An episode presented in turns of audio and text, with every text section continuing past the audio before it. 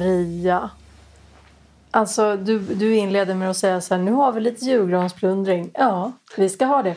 En sen julgransplundring. Ja. Men, men bättre sent än aldrig. Ja. Ack så viktig julgransplundring. Ja, och det är januari. Och du är lite småtaggad. Jag hann liksom inte ens eh, börja inleda med vad vi skulle liksom prata om här innan du gick igång. Eh, Du har fått ett mejl. Ja, nej men det här tycker jag är superintressant och jag tror att många funderar över de här sakerna. Men jag fick ett mejl av en eh, kandidat som jag har haft dialog med under ganska många år. Eh, hon eh, sökte jobb innan den här pandemin bröt ut där i mars. Eh, och hade ett lönekrav på en viss summa och kompetens därefter och så vidare. Och så vidare. Och hon upplevde nu under pandemin att hon inte riktigt kan ta den lönen.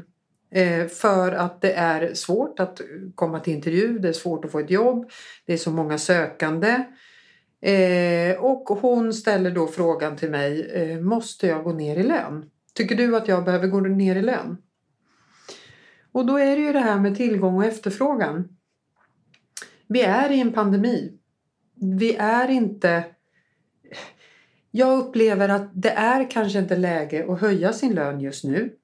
Eh, när du söker ett jobb. Jag förstår att hon begärde en viss summa innan pandemin. Men man kanske behöver gå ner nu. Och när du säger vi är i en pandemi, då antar jag att du menar att många företag ser om... Sina kostnader, Ja. såklart. Ja, Ja, jag tänker att, eh, och sen samtidigt så, så ska ju inte, som jag sa till henne, du ska ju inte sälja ut det för billigt för du har ju den här kompetensen. Så att det är en, det är en, ja jag förstår henne, det, det är inte helt enkelt. Men frågan är om det är just nu du ska höja ditt arvode. nej, men och frågan är ju också vad som är kompetens. För Ja, men någonstans... kompetensen är ju densamma som den var för henne för nio månader sedan. Hon säljer sig själv och sin kompetens och den är ju densamma. Upplever Ja, hon. men För jag- det är det hon, men det, hon upplever att det är svårt att ta samma arvode nu som det var då tidigare. Och det förstår jag att det är. För att ar, det är arbetsgivarens marknad just nu. Ja, och då menar jag att eh, kompetensen är ju också utifrån vad eh, företagen behöver. Mm. Alltså värdet på kompetensen. Jag menar inte att ens egna kompetens förändras. Men värdet på en kompetens Mm. är ju beroende på vad företaget behöver. Mm. Det vill säga lönen regleras ju också utifrån vad företaget behöver. Japp, helt rätt. Och det, det, blir ju, det där blir ju ganska svårt alltså, om man har jobbat med någonting i x antal år och har en gedigen kompetens. Och så ändras ju också behovet på marknaden, alltså arbetsgivarens behov förändras. Mm. Jag ser ju, det här kan ju du mycket mer än jag, men jag menar det är ju ganska många mm, liksom, kompetenser om man tittar inom marknad till exempel och eh, digitala kompetenser och alltså, eh, alltså där liksom, du kan ju vara 25 idag och, och egentligen kunna kräva extremt hög lön Mm. för att du kan någonting som, som, en, som företagen vill ha. Mm. Och så kan du Och ha varit marknadschef det och jobbat i priset. 20 Men ibland är det ju så att eh, 3000 andra personer som har sökt den här tjänsten har precis samma kompetens som dig. Det är Ja. det jag pratar om. Att det är då det blir liksom den här konkurrensen. Det är då det blir svårt att sälja sig så mycket dyrare. Mm. När du har mäts med, med samma personer. Ja, Och samma absolut. kompetens. Ja. Men då kan det ju vara så att man har en 15 år mindre erfarenhet och ligger mycket billigare pris och då blir man ju mer attraktiv för arbetsgivaren. Mm. Precis. Till exempel. då. Men, nej, men det där är ju svårt. Vad, vad tycker du då? Du är arbetsgivare själv. Jag är arbetsgivare själv, ja. Nej men det är klart, det, märker jag faktiskt som, som just arbetsgivare att vi får ju flera spontanansökningar till oss på Insight Competence som faktiskt vill börja jobba hos oss med rekrytering vilket är fantastiskt kul. Eh, så att jag förstår de här stora eh, företagen, de får ju massor med spontanansökningar. Och jag tror bara att man behöver... Man kan inte sitta fast i det gamla. Eh, för det kan jag möta eh, en del när man, man, träffar kandidater som söker jobb. Att jo, men för tre år sedan då, då, hade jag den här lönen och då var det så här och då hade jag de här förmånerna. Ja, fast nu är vi på 2021. Vi är mitt inne i en pandemi. Du kanske inte kan ha de kraven som du hade för två år sedan. För att förutsättningarna har ändrats. Arbetsgivaren har inte möjlighet att ge dig det här och det här och det här som du hade för tre år sedan när du sökte jobb. De, de eh, eh sen finns det jättemånga som jag träffar som är Vet du Maria, lönen spelar ingen... Jag vill bara ha ett jobb som jag trivs med. Jag har suttit på höga löner och höga höjder och höga tjänster. Men det är inte det jag är ute efter. Jag vill bara ha ett jobb där jag trivs. Förstår du? Det finns ja, olika kategorier. Så att, ja. Men du säger med, med sitta fast då. In med det nya, ut med det gamla sa du innan vi började. Ja. ja. Du måste nog eh, förstå. Jag, jag, jobbar... Vi jobbar med ett stort eh, Eh, Eh, företag som är kollektivanslutna och där ska man då genomgå någon form av lönerevision som man måste göra då när man är kollektivansluten och den blir inte så hög i år. Och då tänker jag att då sa jag till den här arbetsgivaren, men det förstår väl de anställda? De, är de inte glada att de har sitt jobb kvar? Nej. Utan de sitter fast i, va? Får vi liksom reviderad, alltså oj, får vi inte det förrän om ett halvår? Blir det... Där sitter folk. Och jag tror att det är svårt att sitta fast i det gamla, det är det jag menar. Ja, verkligen. Förstår du jag tänker? Ja, att men... Det är det jag menar med att sitta fast i det gamla. Att, men förra året fick vi det här och det här och det här. Mm, då hade vi ingen pandemi. Då hade vi inte så här hög arbetslöshet. Då hade vi inte det här och det här och det här. Vi måste förstå att vi är i en annan eh, tid. tid. Jag tror att det är viktigt och det går kanske inte att jämföra med hur du hade det tidigare. Nej, och där skulle man kanske önska då att fler kanske tänkte utifrån arbetsgivarens eh, perspektiv för att någonstans måste ju arbetsgivaren säkerställa att man har lite pengar kvar också för en eventuell kris eh, mm. ekonomiskt. Mm. Alltså, jag tror att Nej, de men... konsekvenserna har vi inte riktigt sett än. Nej. Det tror inte jag heller. Men den här HR-chefen på det här företaget som vi jobbar med hade jätteutmaningar med att liksom förklara eh, varför det inte blir mer löneförhöjning. Och då blev jag personligen, jag blev otroligt förvånad över att folk ens ställer den frågan. För jag tänker, de har ju fortfarande ett jobb på din arbetsplats. Är de inte glada? Sen kanske inte löneförhöjningen blir jättestort det här, eh, stor mm. det här mm. året för att vi mm, men alla får ju vara kvar. Ja. Så att jag, jag, blev lite häpen och så blev jag lite intresserad av att djupdyka i det här för jag tycker att det är ett intressant ämne. Och sen tillsammans med att jag då träffar kandidater som, som upplever att det är Ja, ska man dra ner brallorna helt och sälja sig helt gratis? Mm. Bara för att det är en pandemi? Nej, det är ju inte heller rätt. Jag skulle, nog, jag skulle nog råda folk då som söker jobb till att tänka lite mer långsiktigt. Att, att det viktigaste är kanske att få ett jobb. Mm. Och sen tänker jag att all den där erfarenheten och kompetensen som man har med sig, var lite smart i att använda den. Och, och applicera det på företaget som du är på. Mm. Eh, och bidra för då kommer, det, då kommer det att, att generera framgång för dig ja. med. Mm. Och även om du byter jobb om fem år. Så, men men jag, jag tror att ja, men det där tycker jag är viktigt, där med liksom in med det nya. Det är ju på något sätt att också ha lite längre perspektiv. Mm, och inte se så kortsiktigt. Ja, för att även om man skulle gå ner i lön 5 000 under en period. Uh, gör dig oumbärlig då. Exakt så. Det här har vi inte pratat om tidigare men exakt de orden säger jag till kandidater som jag sitter med.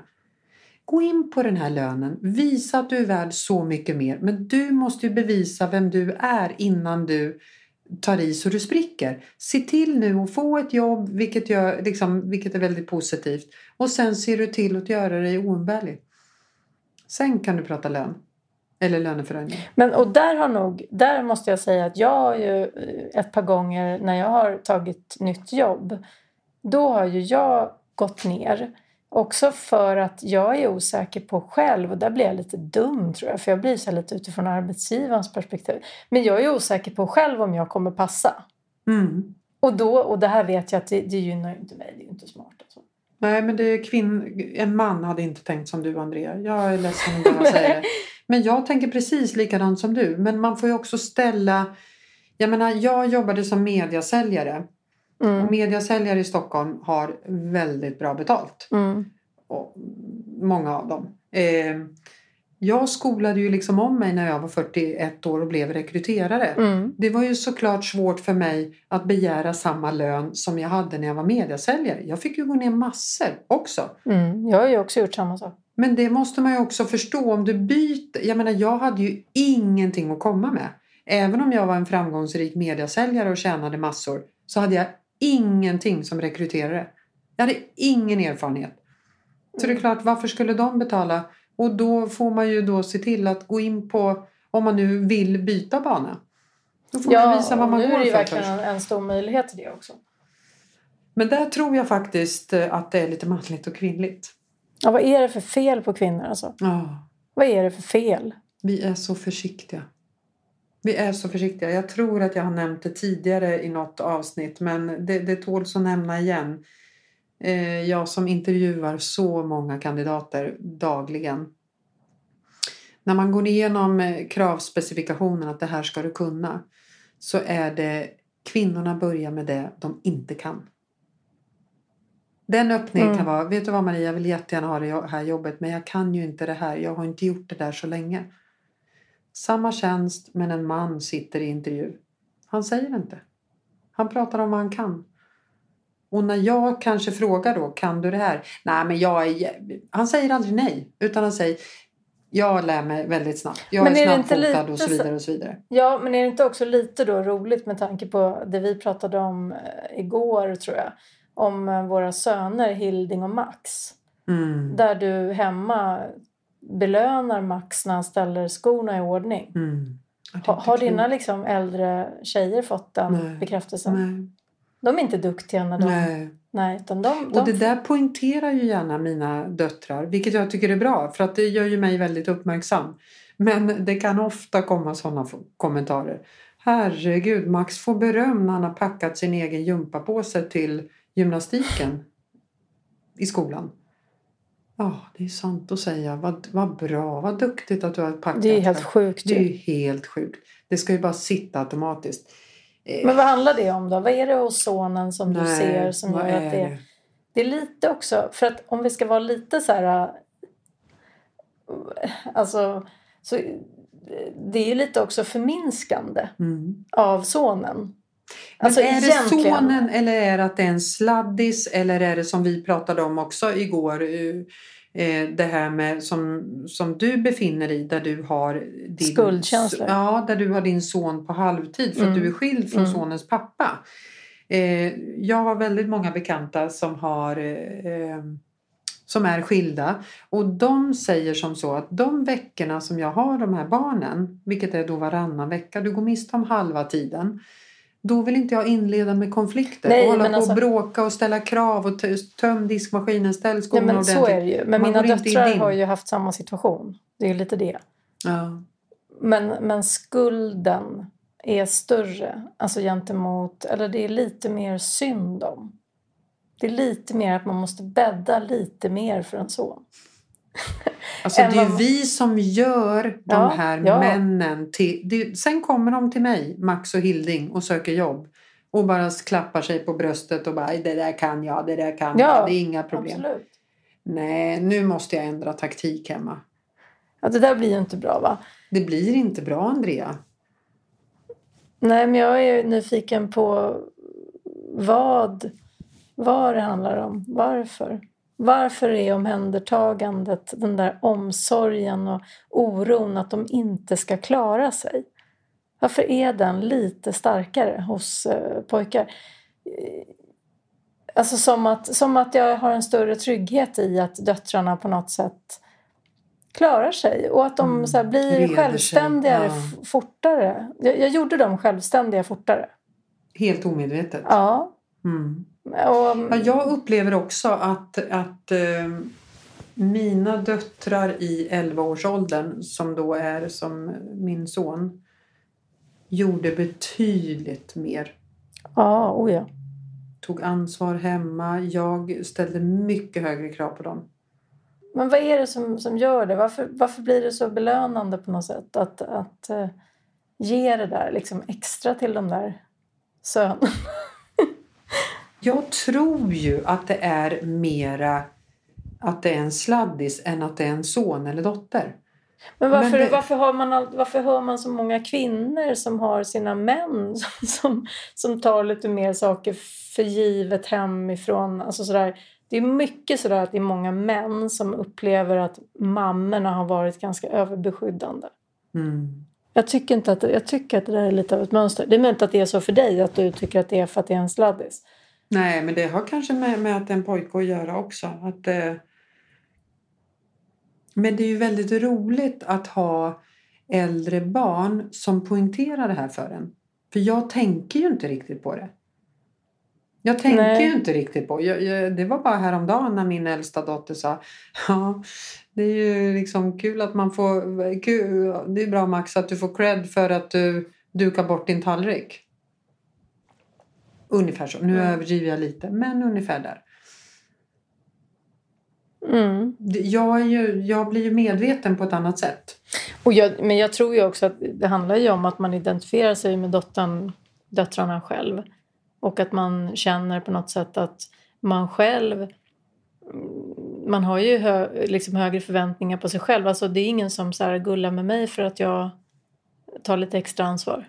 Nej. Nej, och jag tänker att det, nej, men jag tänker att det är vä- väldigt mycket historia. Men de bakom. får så mycket cred de här sönerna då, om vi nu ska prata i klarspråk. Så att när, de, när Max och Hilding då är 25 år och kommer eh, och ska söka sitt jobb, då, då vet de att de är så jäkla bra för de kan både ställa bort tallriken och de kan packa jumpa på, de kan det mesta. Så att i den här arbetsbeskrivningen så känner de att de är nog kapabla för att jag är liksom upplyft med att allting är möjligt. Du är duktig. Ja, och även om jag. Åstadkommer ganska lite så är det ganska stort. Liksom. Ja. Alltså det är ju på något sätt fantastiskt egentligen. Alltså att det är ju fantastiskt att få gå runt med en sån självkänsla. Ja, men alltså, jo, men alltså om man vänder på det. Jag menar inte nu på något sätt för att jag vill verkligen säga att det är ju inte sönernas fel.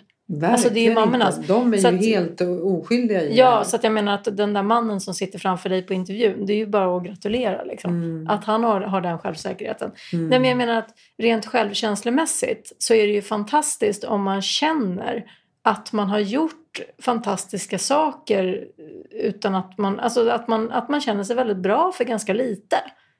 Alltså jag kan ju åstadkomma ganska mycket utan att känna att jag är fantastisk. Jag med. Och det tror jag kvinnor är generellt. eh, Ja, jag, jag tror inte att du och jag är undantag. Nej, jag tror säger så. verkligen inte det. Jag tror verkligen inte det. Men det gör en ganska stor skillnad. Om man liksom växer upp med att man är duktig för att man tar, Mm. liksom ställer sina skor i ordning. Än att man inte får cred för att man liksom hjälper till hur mycket som helst på något sätt. Det är ju en ganska stor skillnad i självkänsla och sådär. Så att, nej, men där har man kanske lite att... Vi har lite att jobba på hemma.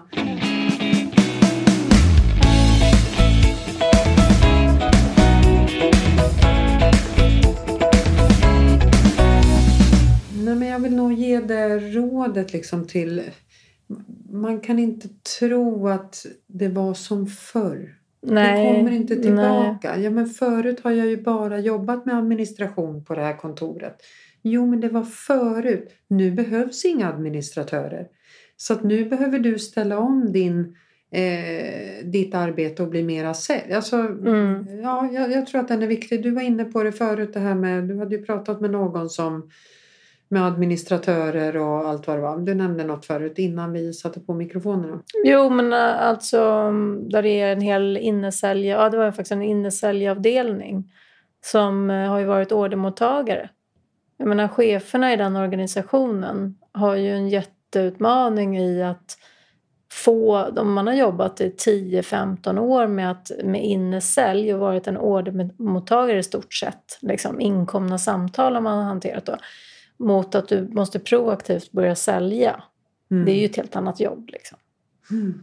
Och eh, de vill ju inget hellre än att de här ska kunna eh, förändra det och, och göra det jobbet istället då. Men det är ju en jättetransformation. Mm. Och vad gör den arbetsgivaren då? Säger de att gör ni inte det här så får ni gå och så tar vi några andra in på den här platsen? Eller hur gör man med dem? Du måste ju förändra. Efter, du kan ju inte vara ordermottagare. Om det inte kommer in Nej. ordrar så kan du inte vara ordermottagare. Tänker Nej. Jag. Nej, men det de har gjort är ju att de har implementerat systemstöd för att, liksom, som kan mäta då, beteendeförändringar. Alltså, så att man, alltså, så att man liksom mäter ett annat typ av, en annan typ av prestation. Mm. Och, och sen så, får man ju, så utgår de ju därifrån. Men problemet är ju att det är ju som med allt sånt där, det, det enkla är ju på något sätt att förändra system till exempel eller de förutsättningar runt omkring. Det svåra är ju att få till förändringen, beteendeförändringen som ska till. Att aktivt börja till exempel lyfta luren och ringa till kund istället för att ta emot ett samtal. Det är ju jättestor förändring mm. att liksom börja presentera och börja... Ja, det är inte lätt. Och snacka Nej, om svårt också för chefen. beteendeförändring och förändringsresa ja. med de där anställda såklart. Ja, och de där cheferna som någonstans ska lyckas förmedla det och ja, stimulera till rätt beteende. Och, ja, det är jättesvårt. Men du, jag upplever att du är ju rätt bestämd i dina, du vet vad som ska. Om du hade haft då den här eh, organisationen med 12 administratörer Eh, eller ordermottagare mm. som behövde ställa om. Vad skulle du göra då? Om jag var chef? Över, mm. om... Och det var ditt företag? Mm. Jag skulle lägga ganska mycket tid faktiskt på att eh, eh, få dem att formulera utmaningarna själva. Vad som kommer att bli utmaningen. Vad är det som gör att det blir svårt att ställa om och liksom nej, sälja? Snarare, eller? nej, jag menar mer så här, eh, om, om kunden inte ringer. så mm. nej, men att, att, man får att förstå verkligen så här, eh, den nedåtgående spiralen med inkomna ordrar och förstå på nedersta raden vad det innebär i, i resultatet. Mm. Och, så att det blir uppenbart för människor att så här, vi behöver förändra. Man har inget jobb. Liksom. Vi kommer mm. behöva ta de här åtgärderna för att det är klart att vi kommer behöva folk som kan göra det som krävs. Mm. Vi kommer behöva någon som har den kompetensen. Och, och där skulle jag lägga ganska mycket tid. Och då, det tycker jag sammanfattar bra för det är ju precis det vi började inleda det här avsnittet med. Att in med det nya, ut med det gamla. Att du kanske inte kan sitta kvar i det gamla och vara i ordermottagare. Nej. Utan du måste in med det nya. För nu kräver det här företaget att vi behöver göra det här för vi har inga ordrar som kommer in. Vi behöver slita för våra ordrar. Mm. Till exempel. Mm. Jag tycker det är intressant. Mm.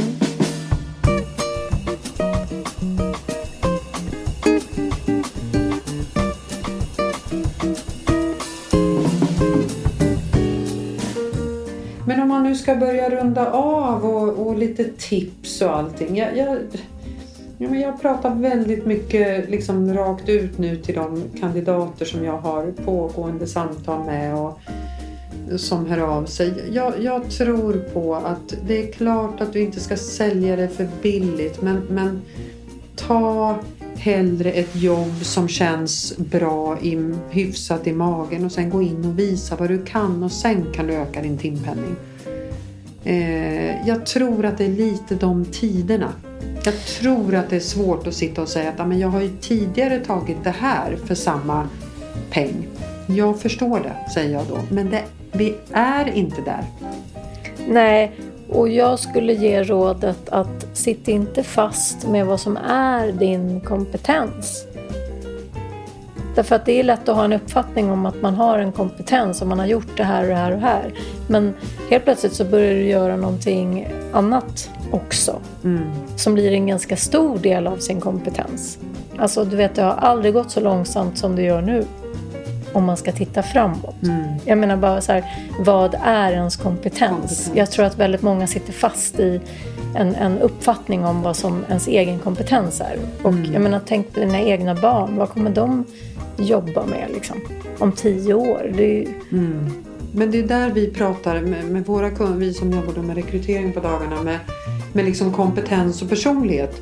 Personligheten blir väldigt mycket viktigare för varje Verkligen. dag som går. Verkligen. Och en perso två personer som har samma kompetens men den ena personen säger Vet du vad, jag kan dra ner mitt timpris med 50 kronor i Mm. timmen för vi är ju inne mitt i en pandemi. Sen kanske jag kan höja när jag har fått visa vad jag går för. Den personen kommer få jobbet. Mm. Så att det handlar liksom om en personlighet och en inställning. Absolut. Det kan till och med vara så att den personen som tar 50 kronor mer i, min, mer i timmen eh, och har lite mer erfarenhet, att man ändå inte väljer den. För att den har, fe, den har inte rätt personlighet. Det är roligt att du säger 50 kronor. Ja.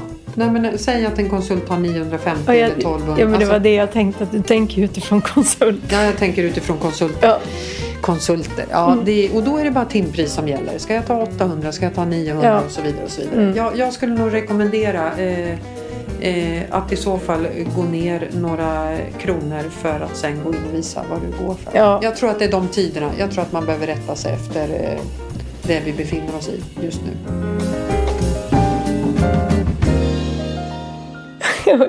Eller ja, ja, gör du det? Du har Ja. inte haft någon lön på ett år. Nej, men jag ska säga så här. Jag anpassar mig efter det. För att jag kan säga ibland till våra kunder att nej, jag kan inte, vi kan ju inte jobba gratis på Insight Competence. Men vi fattar att det är en pandemi och att ni har jättemånga rekryterare som ringer och vill hjälpa er. Jag brukar ta så här mycket för en rekrytering. Jag kan tänka mig att gå ner lite. För att visa vad vi går Mm. för. Sen kommer du inte byta ut oss för att vi är så himla bra på det vi gör. Så att ja, jag faktiskt vi säljer oss inte gratis på något sätt, men det, vi anpassar oss efter efterfrågan. Mm.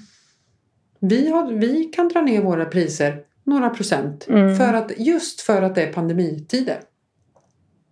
Just av den anledningen. Mm. Vi får inte in lika mycket uppdrag som förut. Det är inte jättemånga som rekryterar. Och när vi väl får en förfrågan och det handlar om, om eh, några kronor hit eller dit. Ja, då är jag verkligen villig att gå ner för att få uppdraget. Sen ska jag visa den här kunden vad jag kan leverera. Och jag, jag bara höjer priserna. Och du bara höjer priserna.